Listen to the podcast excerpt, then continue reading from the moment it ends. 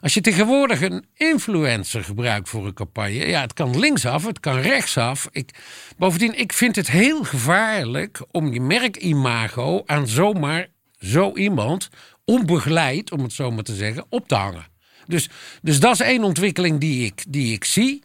Met als gevolg ook, en dat is een direct gevolg van die ontwikkeling, dat het goede creatieve idee, waar het in mijn vak, in mijn tijd altijd om te doen was, daar eigenlijk gewoon ondergeschikt aan uh, raakt. En dat vind ik echt een hele kwalijke ontwikkeling.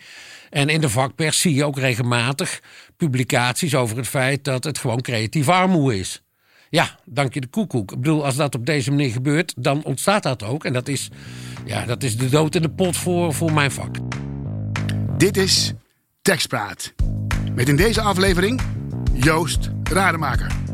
Joost Rademaker is misschien wel de meest begenadigde schrijver van tenders, aanbestedingen en vooral Effie-cases. Effie zegt u? Ja, Effie. De allerbelangrijkste marketingcommunicatieprijs die er in de wereld bestaat. Dus reken maar dat menig bedrijf staat te trappelen om Joost in te schakelen voor een dermate slim en doordacht epistel dat die prijs eigenlijk niet meer kan ontgaan. Joost is al sinds de jaren 80 een succesvol reclameman en ondernemer en kent het klappen van de communicatiezweep als geen ander. Daar kunnen en willen wij alleen maar nederig naar luisteren. Joost, welkom. Dankjewel. Hey, Hele eh, mond vol. Uh, voor mij de, de, de enige, enige niet-reclamemaker in dit gezelschap. Wat is er zo moeilijk aan een tender of effie-case schrijven? Vertel eerst maar even wat een tender of effie-case überhaupt zijn. Nou ja, een tender uh, is meestal overheidsgerelateerd. En dan krijg je een document waar je helemaal gek van wordt. Met een ongelofelijke hoeveelheid vragen. En, en in een taalgebruik eh, op papier gezet dat je echt vijf keer moet lezen voordat je überhaupt begrijpt. Dit is, dit is als je voor, voor een reclamecampagne wordt gevraagd. Ja, ja, ja, ja, ja, ja, inderdaad. Als je voor een reclamecampagne wordt gevraagd. Oké, dus, dus het, is, ja, het is niet schrijven, maar het is juist uh, ont, ont, ontwarren. Ik wou net zeggen, dat is heel goed dat je dat opmerkt. Want uh, juist bij tenders is het zo dat je moet proberen te begrijpen wat de vraagstelling inhoudt. alvorens je er überhaupt een antwoord op kunt geven. Uh, en dat is bijna een vak apart. Maar als je dat dan hebt, is het zo dat je ook nog eens een keer heel strak op het rigide af, chronologisch, alles heel zorgvuldig moet beantwoorden. Want anders word je afgevinkt. Zo werkt dat bij tenders. Dan is het zo dat het gaat niet eens om de kwaliteit van je antwoord of de juistheid van je antwoord. Het gaat erom dat je je antwoord op de juiste plek hebt geformuleerd. Het is een heel raar fenomeen, maar het is gewoon vink, vink, vink, vink. Ja, heeft hij aan alles voldaan, dan kan hij door. Dan gaan we beoordelen. En, en, en onze, creatief bedoel ik, onze neiging zou dan zijn om het juist anders te doen, omdat we willen opvallen. Maar dat is dus. Exact. Nou, dat is één ding wat je bij tenders niet moet doen. Ah, okay. Want dan mis je hem.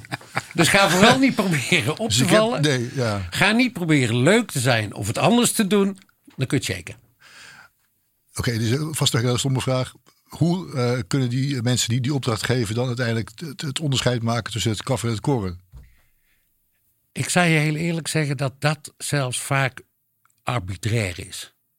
Okay. Die mensen, sommige mensen in zo'n commissie, want een tender wordt niet door één iemand beoordeeld nou, aan de opdrachtgeverskant, maar dat is een hele commissie. Daar zitten ook inkopen in die van het vak als zodanig natuurlijk helemaal geen verstand heeft. Maar wel weet hoe ze moeten inkopen. Dus ja, het, daarom ook dat ik zeg, je moet exact de leidraad van de tender volgen. Want daar, dat is voor het grootste gedeelte eigenlijk op basis waarvan je beoordeeld wordt.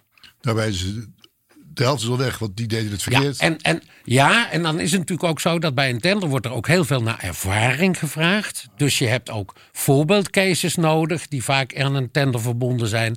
En dat geeft natuurlijk wel inhoudelijk een stuk aan of je überhaupt in aanmerking kunt komen voor, voor die klus. Dus op die manier is wel een stukje beoordeling, laat ik zeggen, te objectiveren. Ja. Ja, ik vind, vind het hele interessant. Of niet raar, maar ik vind het een heel helder verhaal. Ja, vind ik ook. Het is heel duidelijk. Dus, dus eigenlijk is het ook niet echt eens schrijven dan. Nee nee nee, nee, nee, nee. nee. Uh, maar het is wel formuleren. Het is formuleren, uh, ja, het is ordenen. Uh, het heeft als zodanig met schrijven heel weinig te maken. Hoe krijg je jezelf om die objectiveringsslag heen gewerkt? De objectiveringsslag heen gewerkt, sorry, ik moet het goed uitspreken. Dat is, dat is om exact te voldoen aan de vraagstelling in de tender. Okay. En, en, en voorbeelden hebben dus. En, en ja, er wordt heel vaak gevraagd naar voorbeelden. En die luisteren heel nauw. Ik bedoel, Kijk ook maar eh, eh, in mijn vakgebied bij, bij bureaus. Er zijn een aantal bureaus die juist heel sterk zijn in overheidscommunicatie. Waarom? Die winnen alle tenders omdat ze daar gewoon heel veel ervaring in hebben en dat kunnen aantonen. Ja. Nou, we weten, alle bureaus, we weten welke bureaus we het over hebben. Dus, dus dat speelt wel degelijk een rol. Ik schrijf op basis van, van harde feiten. Eh, daar maak ik een verhaal van. Ik, ik schrijf geen fictie. Nee. Dus, dus ik bedenk het niet allemaal. Ik, ik bedoel, ik werk met de ingrediënten die ik heb en daarmee kneed ik iets. Dus dat is een andere manier van schrijven.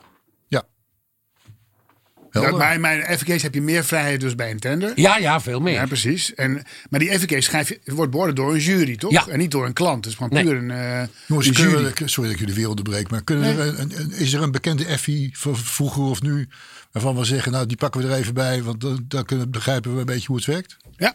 Nou, ik, ik zal de, de, de, het, het, het vragen van Skoda, dat was, eh, dat was wel eigenlijk een, eh, een openbaring. Ehm, ik ben verantwoordelijk geweest voor de introductie van de Skoda Octavia. toen Skoda in Nederland nog geen eh, Positie. positie Ja, had. precies. Eigenlijk nog een beetje, beetje werd wegge, weggeduwd als, nou, dat is totaal niet interessant. Fok Fiat.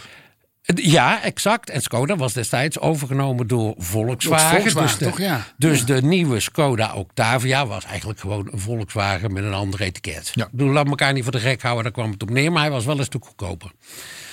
Ehm, wij hebben die campagne ontwikkeld en dat had op zich al heel veel voeten in de aarde. Want je moet je voorstellen, wij kenden de insights in de Nederlandse markt. Wie zijn wij? Eh, het bureau, Welk bureau? eh, dat was toen Grey Advertising. Ja. Eh, waar ik verantwoordelijk was Ja, voor, ja, het, ja. eh, voor de klant. En ehm, eh, samen met een, een nou ik denk uiteindelijk zes creatieven, twee, drie creatieve teams hebben eraan gewerkt. En één ding, de fout die wij niet moesten maken, was om het merk trots neer te zetten. Want het merk had helemaal geen trots. We moesten hem juist als underdog neerzetten de sympathie van de Nederlandse consument winnen op die manier. En daarmee het merk en, het, en, en, en met name de verkoper, want dat was natuurlijk uiteindelijk om te doen, een stimulans te geven. Nou, je moet je voorstellen dat de Nederlandse opdrachtgever, dus de Nederlandse directie van Skoda, kon zich daar nog wel in vinden. Want dat waren Nederlanders, dus die begrepen exact Ja, wat de positie van het merk in Nederland was. Maar ik heb die campagne ook in Praag moeten eh, presenteren. Nou, Aan het, aan het hoofdkantoor van aan Skoda. het hoofdkantoor van Skoda en aan mijn, aan mijn eh, collega's binnen het netwerk. Vooral jullie nog niet weten wat Skoda is, een Tsjechische auto, toch? Ja, Van, het is een Van Tsjechische origine is het auto. een Tsjechische auto. ja, dus men, men zal daar wat anders in de wedstrijd gestaan hebben dan Exact. Sterker Tuurlijk. nog, men stond daar in de wedstrijd dat ons campagneconcept werd volledig afgebrand. Want hoe wij het in het ho- ons Ja, hoofd ja, ja, haalden natuurlijk. Om dat merk, dat, dat trotse merk in hun optiek Als een underdog. als een underdog Ja, neer te zetten. ja, Want wat deden wij? Wij visualiseerden de nieuwe Skoda Octavia met daaronder twee woordjes. Dat was genoeg gelachen. En op de linkerpagina lieten wij allemaal oude Skoda-modellen zien. Zo van, dat waren we, dit zijn we. En nu is het uit met het, eh, het, het, het belachelijk maken. Neerbuigende, precies. En het neerbuigende, want het is gewoon echt een kwaliteit. Nou, Goede wagen, ja. Je moet je voorstellen dat uiteindelijk met de nodige, eh, nou, ik ik kan wel zeggen bonje, in ieder geval heftige discussies, is dat concept uiteindelijk geaccepteerd. Ik zat daar samen met mijn Nederlandse klant. We hebben dat echt fel verdedigd.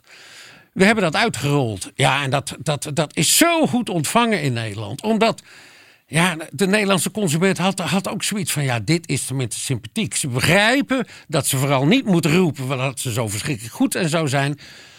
Nee, het is op deze manier gewoon heel sympathiek neergezet. Nou, de verkoop eh, dient ten gevolge waren een eclatant succes. Ik heb er een efficace voor geschreven.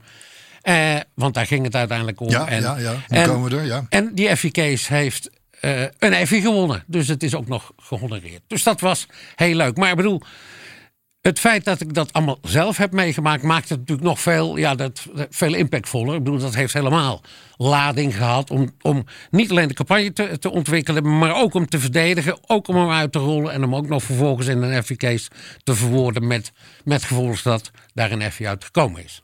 Ja, maar wat heb jij speciaal nog aan gedaan om dat eclatante succes te vertalen die Effie? Nou, eigenlijk heb ik daar dezelfde tone of voice gehanteerd als in de campagne. Precies. En op die manier eigenlijk doorgetrokken wat überhaupt de hele conceptuele gedachte was achter dit idee. En dat betekende dus, en dat is ook iets wat je wel vaker in efficaces ziet, je moet één ding niet doen en dat is het mooier voorstellen als dat het is of overdrijven. Alsjeblieft, probeer het zo zakelijk mogelijk te houden. Probeer zo weinig bijvoeglijk uh, naamwoorden te gebruiken. Niet van uh, superlatieve. Uh, nee, gewoon heel zakelijk. Want die jury van een Effie bijvoorbeeld is niet gek. Ook de jury van een San-accent, dat zijn adverteerders. Dat zijn vakgenoten. Die zijn echt niet gek. Die prikken er dwars doorheen. Dus maak niet de fout om dingen te overdrijven. Probeer het zo realistisch mogelijk neer te zetten. Alsof je... Duidelijk geschreven. Uh, uh, ja, dat is, eigenlijk, dat is eigenlijk een hele belangrijke leerschool. Je moet een beetje altijd de, de, de, de, een soort Skoda-taalgebruik gebruiken. In je efficace. Ja. In iedere efficace bedoel je. Nee, je, je moet niet van schreeuwen. Nee. Nee, je moet niet schreeuwen, je Niet moet niet borstkloppen. overdrijven, niet Houd bij borstklopperig de doen. feiten. Echt Hou de het feiten. droog. Wat saai. Kijk. ja. Nou, nee, nee, maar met Citroën was, is natuurlijk wel weer een heel ander verhaal. Het was juist wel een heel erg trots eh, ja, gebeuren. Ja, Toch? dat- ja, natuurlijk. Daar hebben we natuurlijk ook een even mee gewonnen.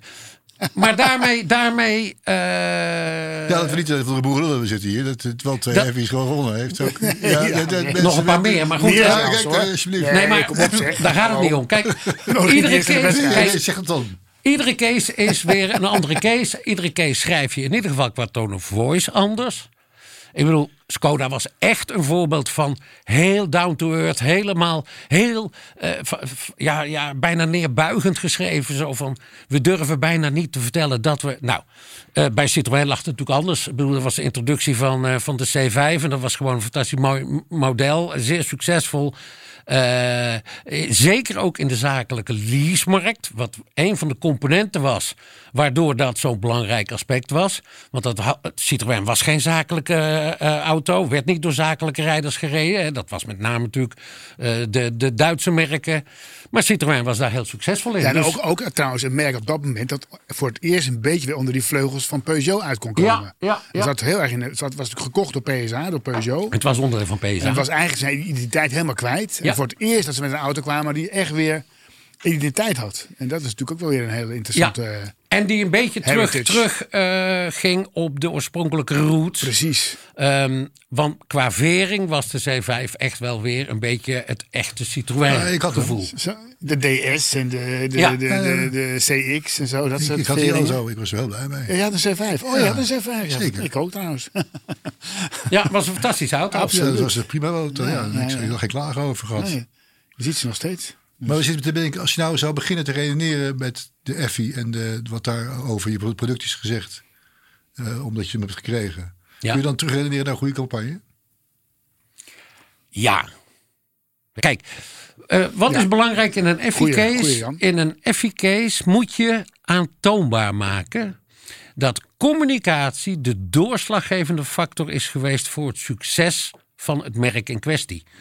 Met andere woorden, als je niet aantoonbaar kunt maken dat communicatie de verkoper gestimuleerd heeft, maar dat het bijvoorbeeld eh, een verlaging van prijs is of een uitbreiding van distributie of andere marketingelementen, ja, dan win jij geen effie. Het moet echt, echt aantoonbaar zijn dat communicatie doorslaggevend is. En dat is op zich best lastig. Om dat ook echt goed Zo. aantoonbaar te maken. Ja. Dat is ook waarom een FIK schrijven heel moeilijk is. En daarom is het belangrijk dat je ook bijvoorbeeld alle aspecten die er zijn qua onderzoeken. Op naambekendheid, op, op, op merkpreferentie, op modelpreferentie in het geval van auto's. Al dat soort aspecten, dat je die in tabelletjes meegeeft, zodat je wel degelijk ziet welke stijgingen er gerealiseerd zijn. Gerelateerd aan de campagne timing, waaruit de campagne, waarop de campagne dus gelopen heeft. Ik bedoel, alles ook- heeft een ook- ook kausaal verband met elkaar. Ook En budget speelt budget. nee, maar het mediabudget is natuurlijk een hele belangrijke. Ja, nou en nog. Als je maar veel te besteden hebt, dan eh, val je Exact. natuurlijk meer op. Ja, maar ook dat is iets wat je gaat afzetten ten opzichte van wat de concurrentie doet. Ja, ja, dus je kijkt ook Ja, naar ja, de ja, concurrentiebudgetten. ja, ja, zodat, kijk, als jij 1 miljoen te besteden hebt en de concurrentie heeft allemaal een ton te besteden. Ja, dank je de koekoek dat je dan eh, tuurlijk, succesvol bent. op, ja. Dan win je dus geen effie, om het zo maar te zeggen. Ik bedoel, het moet wel zo zijn dat je juist vergelijkbaar in de budgetrankings zit. Of en dat was bijvoorbeeld bij Skoda het geval, dat je beduidend lager zit. Want dan heb je echt, ja. ja. dan heb je echt een pre. Dan heeft communicatie echt impact gehad. Daar gaat het om. Je moet aantonen dat communicatie doorslaggevend is. Hey, En hoe komt het nou dat jij er zo goed in geworden bent? Dat je, vind je het gewoon leuk? Of, eh, Ik vind het gewoon leuk. Dat ja, is heel waar? simpel. Serieus? Het- het- het- kijk, ik vind het gewoon heel leuk. Die puzzels om- te maken. Nou ja, het gaat verder als die puzzels. Want, Ja, ja. want eh, eh, eh, het heeft ook te maken met het feit dat je echt doorgaans echt betrokken bent. Ik heb ook cases geschreven waar ik niet echt, echt betrokken bij was. Maar het merendeel van de cases die ik geschreven heb, was ik wel degelijk bij betrokken. Nou, dat maakt een, het geeft het een extra dimensie. Maar überhaupt, als je niet betrokken bent, dan ga je je er echt in, in in verdiepen. Ik, ik heb ooit een case geschreven voor diamant vast frituurvet. Ja, ik had er nog nooit voor gewerkt. Maar ik had wel voor Remia eh, eh, gewerkt. Of dat kwam zelfs daarna. Nee, dat kwam daarvoor. Dus ik had wel affecties da- daarmee. Wel een stukje affectie nodig. Ehm, wat ik daar leuk aan vind, is je gaat aan de slag om. Kijk, ik ben een vakidioot en ik vind communicatie erg eh, boeiend. En ik vind communicatie vaak onder, onderschat worden. En, en binnen de marketingmix eh, vaak zelfs eh, eh, ondervertegenwoordigd. Terwijl ik het juist heel erg essentieel vind dat communicatie wel de juiste plek binnen de marketingmix krijgt. En als ik dat kan stimuleren door aan te tonen in de vorm van het schrijven van cases dat communicatie zo essentieel is, ja, dan, dan krijg je gewoon een kick van. Dus je hebt het product, jij pakt daar de, de van aan. Ja. Als je dat lukt, dan is dat heel bevredigend, omdat dan het communicatieplan goed gewerkt heeft. Ja, omdat, om, exact. Omdat dan het communicatieplan en de executie en het creatieve idee en de media inzet. Want het is natuurlijk een, een, een combinatie van aspecten die een rol speelt. je kunt een fantastisch creatief idee hebben, maar als je niet de budget hebt om het uit te rollen, dan, dan wordt het het ook niet. En net andersom, als je een heel eh, veel minder idee hebt, maar je hebt heel veel eh, mediabudget, ja, dan raak je die consument ook niet. Dus het is een combinatie van factoren. Maar het heeft dus allemaal te maken met één eh, eh, overkoepelend aspect, en dat is communicatie. Maar goed, je zegt van ik moet affiniteit hebben. Logisch natuurlijk. Je moet wel, je moet wel Ik moet er wel iets van ja, affiniteit mee Maar als er bij ons bij een tekst, bij, de, bij tekst bij ons eh, bij een organisatie komt en zegt van ik wil, ik heb een FI-case nodig of, een- Ja. whatever. Dan zou jij wel kunnen adviseren. zodanig. Absoluut. En ik zou kijken naar wat er is. Kijk, je ziet al heel snel of er, of er iets van te maken is of niet. Want je krijgt natuurlijk alle informatie aangeleverd. Je krijgt de onderzoekscijfers. Je krijgt de relevante informatie. En binnen no time heb je in de gaten. Ja, dit is wel heel interessant. En als dat het geval is, ja, dan is het leuk om er een case van te maken. Ja, maar dat heb je al vrij snel in de gaten. Oké. Nou, anders kun je nog gewoon een mediaplannetje gaan maken. Ja, maar anders kunnen we voor de rest helemaal niks meer mee. Nee, dan houdt het gewoon op. Nou, het is misschien wel een leuk bruggetje ook naar. Wij, wij, krijgen, wij krijgen dus gek genoeg als tekstclub zijn steeds vaker eh, de, de organisaties, bedrijven langs. Die willen dan een merkverhaal hebben. Dus Ja. ze denken van nou, schrijf ons een nieuw merkverhaal. Ja. Maar dat, dat is natuurlijk, dat, dat is natuurlijk dat is een hele lange weg. Dat is een merkverhaal weg. schrijf je niet zomaar. Nee. dat- je, gaat dan, je moet je verdiepen in zo'n merk. Hè. Bedoel, wij hebben dan, we hanteren ga ik zeggen, zo'n positioneringsmodel van, van brandkey en dat soort Ja. zaken. Maar daar heb je ook heel veel ervaring mee. Neem ik aan. Ik bedoel, we, hebben, gebruik, we gebruiken jou wel eens voor om. Ja. daarin te adviseren. Ja. Ik bedoel, daar begint het feitelijk al natuurlijk. Hè? Nou, kijk, wat, wat, wat daaruit naar voren komt is één ding. En dat is, hoe kan een merk zich onderscheidend opstellen? Dat is de essentie van alles. Kijk, we hebben allemaal te maken met concurrentie. We hebben allemaal te maken met doelgroepen, et cetera. Maar het allerbelangrijkste is, als jij een merk hebt, een product hebt, een, een dienst hebt... hoe kun je die onderscheidend in de markt zetten? Liefst, Dat, en liefst positief onderscheiden. ja, het liefst positief. Maar het mag, het mag best... Meestal wel, Jan. Nou, ook daar... Nou ja, ja, zelfs kijk, daar kun je mee spelen trouwens. Juist. Ik bedoel, ik heb eh, eh, een hele polariserende campagne eh, gemaakt voor Brand New Day. Eh, Brand New Day was, eh, is nu overgenomen door ASR. Maar was een, eh, een, zeg maar een pensioenverzekeraar. En Brand New Day zette zich af in de context van de woekerpolissen die door andere verzekeraars zijn uitgeschreven, zette zich daar keihard tegen af. En wij hebben een campagne gemaakt waarin we één op één, zowel Egon als Delta Lloyd als Nationale Nederlanden, keihard aanvielen. En dat was echt niet een hele sympathieke campagne. Want dat krijg je per definitie als je dat op die manier doet. Het was een polariserende campagne, maar hij was heel erg succesvol. Omdat we op uh, het fenomeen van het belazeren van mensen zaten. En dat werd gewoon niet meer geaccepteerd. En wij adresseerden dat. En het feit dat een pensioenverzekeraar dat adresseerde, dat was vrij uniek. Nou, dus kun je op die manier toch heel veel bereiken. En dat doe je dus met een polariserende campagne. Je bent daarmee wel direct weer onderscheidend, hè, want dat blijft. Je moet onderscheidend zijn. Ja, maar onderscheiden kan dus ook gewoon. Ik ben opgevoed in de traditie van Burnbach. Ik bedoel, Dat je juist de zwakte van een merk gaat benadrukken. Ja. Wil je Evis, uh, autoverhuur in Amerika. En de Hertz, grote nummer 1. Ja. Evis nummer 2, eeuwige tweede. En hun campagne was: We're only number 2. So we have to try harder. Ja. Weet je wel, in, alles wat, in alles wat we doen moeten we beter zijn dan, dan de concurrent. Want anders dan, ja, we zijn maar, uh, we worden we nooit nummer, nummer nee, één, weet je wel? Of uh, Volkswagen, ja. de Kever-introductie. It's ugly, but it gets you there. Gewoon dus, gepinpoint op de lelijkheid van die auto in Amerika. Hoe zou wel sympathiek is, dat vind ik dit. Ja, het wordt ook sympathiek. Maar, ja. maar iedereen vond het een lelijke auto. En dat je, dat je daarmee gaat spelen, is natuurlijk ontzettend grappig. Ja. Het allerbelangrijkste is het één op één causale verband tussen de inzet van communicatie en het succes. Dat moet je aantonen. Dat is het allerbelangrijkste voor, voor een case. En dat zou zelfs kunnen als de campagne niet onderscheidend is. Dat zou kunnen in theorie. Ja. Want als die toevallig heel succesvol is en je kunt dat aantonen, maak je ook daarmee kans op een effie. Hoewel, zo gauw je een onderscheidende campagne hebt, is het natuurlijk veel, ben je veel eerder geneigd. Ja, Of, slaag je veel eerder in dat succes. Hmm, precies. En wat, wat, jij bent nog steeds actief in de reclamewereld, in de communicatiewereld. Ja. Ik bedoel, wat heb je de afgelopen, wat zijn de grootste veranderingen die je hebt gezien de afgelopen, nou, misschien de laatste tien jaar? Is het, kun je dat zeggen? ja, dat, kan ik wel zeggen. Er zijn eigenlijk twee hele essentiële veranderingen. De, de eerste heeft te maken met, uh, met media, met de middelen die, die, die we kennen. En daarmee bedoel ik uh, natuurlijk de toevoeging van online. Maar ook eigenlijk de, de, de, de consequenties van online. En daarmee bedoel ik niet alleen dat het allemaal veel meetbaarder geworden is, wat heel goed is. Ja. Maar eh, ik vind dat de stap die gezet is naar de invloed die influencers tegenwoordig hebben, die baart me zorgen. Ik zal je vertellen waarom. Er zijn merken die inmiddels uh, een groot deel van hun exposure uh, halen uit de inzet van influencers. En daar kunnen ze eigenlijk niet of nauwelijks invloed op hebben. Daar waar wij bijvoorbeeld BN'ers gebruikten voor een uh, tv-commercial of voor een campagne, konden we exact aangeven wat we wilden. Ik bedoel, dat, dat, dat, dat lag gewoon vast. Dat, dat, dat werd van tevoren ook helemaal afgestemd. Ja. Als je tegenwoordig een influencer gebruikt voor een campagne, ja, het kan linksaf, het kan rechtsaf. Ik, bovendien, ik vind het heel gevaarlijk om je merkimago aan zomaar zo iemand onbegeleid, om het zo maar te zeggen, op te hangen.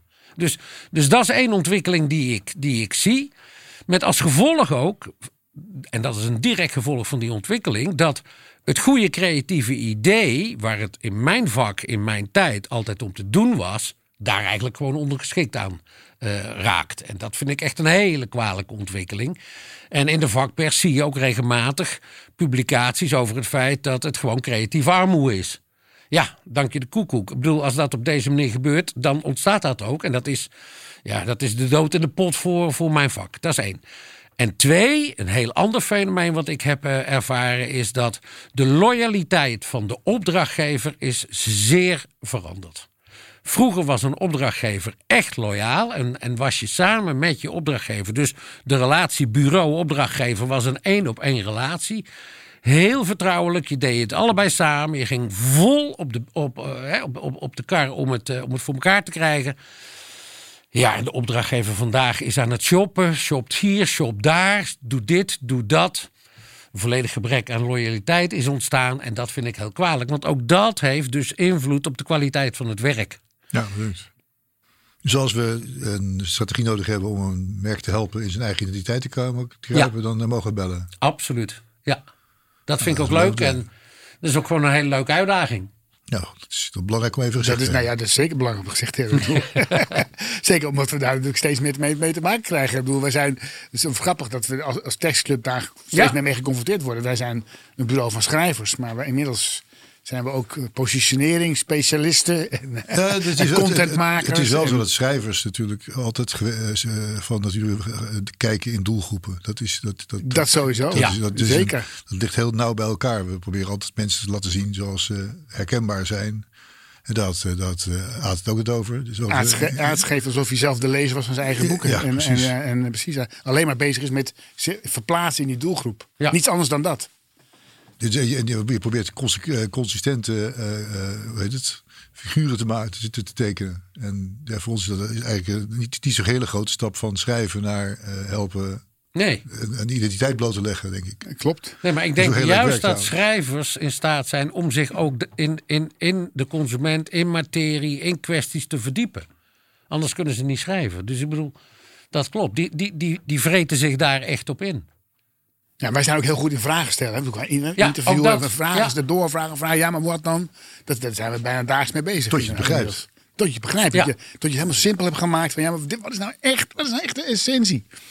Dat is, daar zijn we constant mee bezig. Dat is leuk eigenlijk. Dat is echt het leukste van ons werk bijna. Nee, ik, moet- ik, heb- ik, heb- Tot die ik- kern te komen. Ik heb een goede vriendin, zoals ik een schrijfster. En die, die, die- iedereen vraagt me altijd, hoe vind je van haar boeken? Ik zeg, nou, die- behalve dat ik ze eh, eh, slim bedacht vind, mooie plots en dergelijke. Wat Mhm. ik haar zo knap vind, is zij kan eh, mensen in elkaar schrijven. dat je denkt, ja, die ken ik ook. Ja, Ja, haar hele Ja. oeuvre is een, is, een, is, een, is een parade van types mensen die allemaal wel eens een keer in je achtertuin hebt gehad. Behalve de moordenaars dan hoop ik. ja Maar- nee, dat mag ik hopen, ja. En dat vind, ik, dat, dat vind ik zo waanzinnig knap. Dat je, die- dat je iedereen in die boeken die zie je, die denk je, ja, verdomd, die ken ik ook. Dat is zo Ja, maar dan gaat het dus leven voor je. hè. dat is dan kun je er ook iets aan verkopen, the- theoretisch. Zeker. Ja. Dus dat eh, konden we dat maar. Ik heb één anekdote, ik kan alleen de naam van de adverteerder niet noemen. Nee, dat Ehm, maakt niet uit. Of adverteer X. Ja, adverteerder X. Je moet je voorstellen dat wij werden door, door adverteerder X benaderd in eh, de vorm van een pitch voor een communicatieaanpak. En ehm we kregen een zeer uitvoerige briefing waar niets in stond. en waar eigenlijk bottom line, en dit is, dit is niet gelogen, stond: we weten het eigenlijk zelf ook niet. Dat was de briefing. Met andere woorden, probeer ons product in een. Het was een, eh, een, eh, ze hadden vier concurrenten. Eh, allemaal ongeveer gelijkwaardig. Business to consumer was Het het? was business to consumer. Ja, ja, zo kun je het wel zien. Ehm, vier concurrenten die ongeveer gelijk waren. eh, die ook qua marktaandelen ongeveer gelijk waren. En het enige waarop eigenlijk geconcurreerd werd was prijs. Dus wij kregen een briefing van bedenk iets anders dan prijs. Want we weten zelf ook niet wat we moeten doen. Nou, wat wij toen gedaan hebben. Ik weet nog goed, in de auto, zittend, al discussiërend. Hebben eigenlijk gewoon de, de pace van de marketingmix nagelopen. Om te kijken van wat kunnen we. Nou, prijs viel af, dat was duidelijk. Ja. Product. Ja, product was goed, konden we niks mee. Eh, distributie, nou, vul maar in. En op een gegeven moment hadden we zoiets van. Het was een product wat eigenlijk jaarlijks onderhoud eh, verdient. Dus toen hadden we zoiets van: waarom geven we niet een garantie van 10 jaar op voorwaarde dat je ieder jaar dat product laat onderhouden? Dat kost dus geld. Hè, dan ben je 150 euro of zo kwijt, weet ik veel. Maar dan kun je, als dat product eh, kapot gaat, krijg jij na 10 jaar of in die periode van 10 jaar, krijg jij gratis een nieuw product. Nou. Oké. En wat ik gedaan had was, ik heb een vergelijking gemaakt tussen eh, Kia en Hyundai. Hyundai was eerder op de markt gekomen in Nederland en Kia een aantal jaren later. En Kia kwam met een propositie, exact, zeven jaar garantie. Ik heb vervolgens gekeken naar de groeicijfers en de marktaandelen. En Kia klapte riant over Hyundai heen, terwijl het allebei Koreaanse merken zijn. Dus ik bedoel, het is niet dat de ene Japan is of Amerika. Hè? Nee, nou, het is een vergelijkbare auto. dus ik heb die, eh, die cijfers ook gebruikt. En ik heb zo een heel verhaal geschreven. En we hebben daar een aantal creatieve voorstellen van gemaakt. eh, waarin we dus zeiden in, in, in creatie van... Kijk, product X is eigenlijk even goed als product Y en als product Z. Dus wij gaven ook de namen van de concurrentie. Alleen, product X heeft 10 jaar garantie. En dat hebben die andere producten allemaal niet. Nou, klant waanzinnig enthousiast. Eh, campagne nooit uitgevoerd, want eh het paste niet in het businessplan. Moet je nagaan. Terwijl de algemeen directeur, toen we het presenteerden, letterlijk op de tafel ging staan. En na eh, bijna driekwart van de presentatie zei: Wacht even, ik haal de financieel directeur erbij. Die er ook bij. Iedereen enthousiast. En we kregen na een paar weken terugkoppeling. Ja, nee, het past toch niet in het businessplan. En Goed, dat was dus, daarom dat ik ook geen namen wil noemen, een bedrijf zonder visie, een bedrijf zonder duidelijk roer, ganger. Het, het- ze wisten gewoon niet wat ze wilden. En ja, Zonde. dan denk ik, wat een enorm gemiste. Zo. Maar dat kun je dus ook in mijn vak tegenkomen. Bestaat het merk nog? Het merk bestaat nog steeds. Dat, dat is wel weer jammer dan. Ja, weet je, ik bedoel, zo gaan die dingen. Maar Ja, ja, ja. dat bedoel ik dus ook met. met daar, moet, daar had dus eigenlijk. eh, Want ze hadden op dat moment ook. Die zat ook in die eh, beoordelingscommissie. Een, eh, een freelance market, marketeer eh, in de arm genomen. Oh. En ja, ook die vond het op zich allemaal goed. Maar uiteindelijk er is er er is niets van terechtgekomen. Ja, die moest ook nog een plasje doen natuurlijk. Ja. Ja, jammer.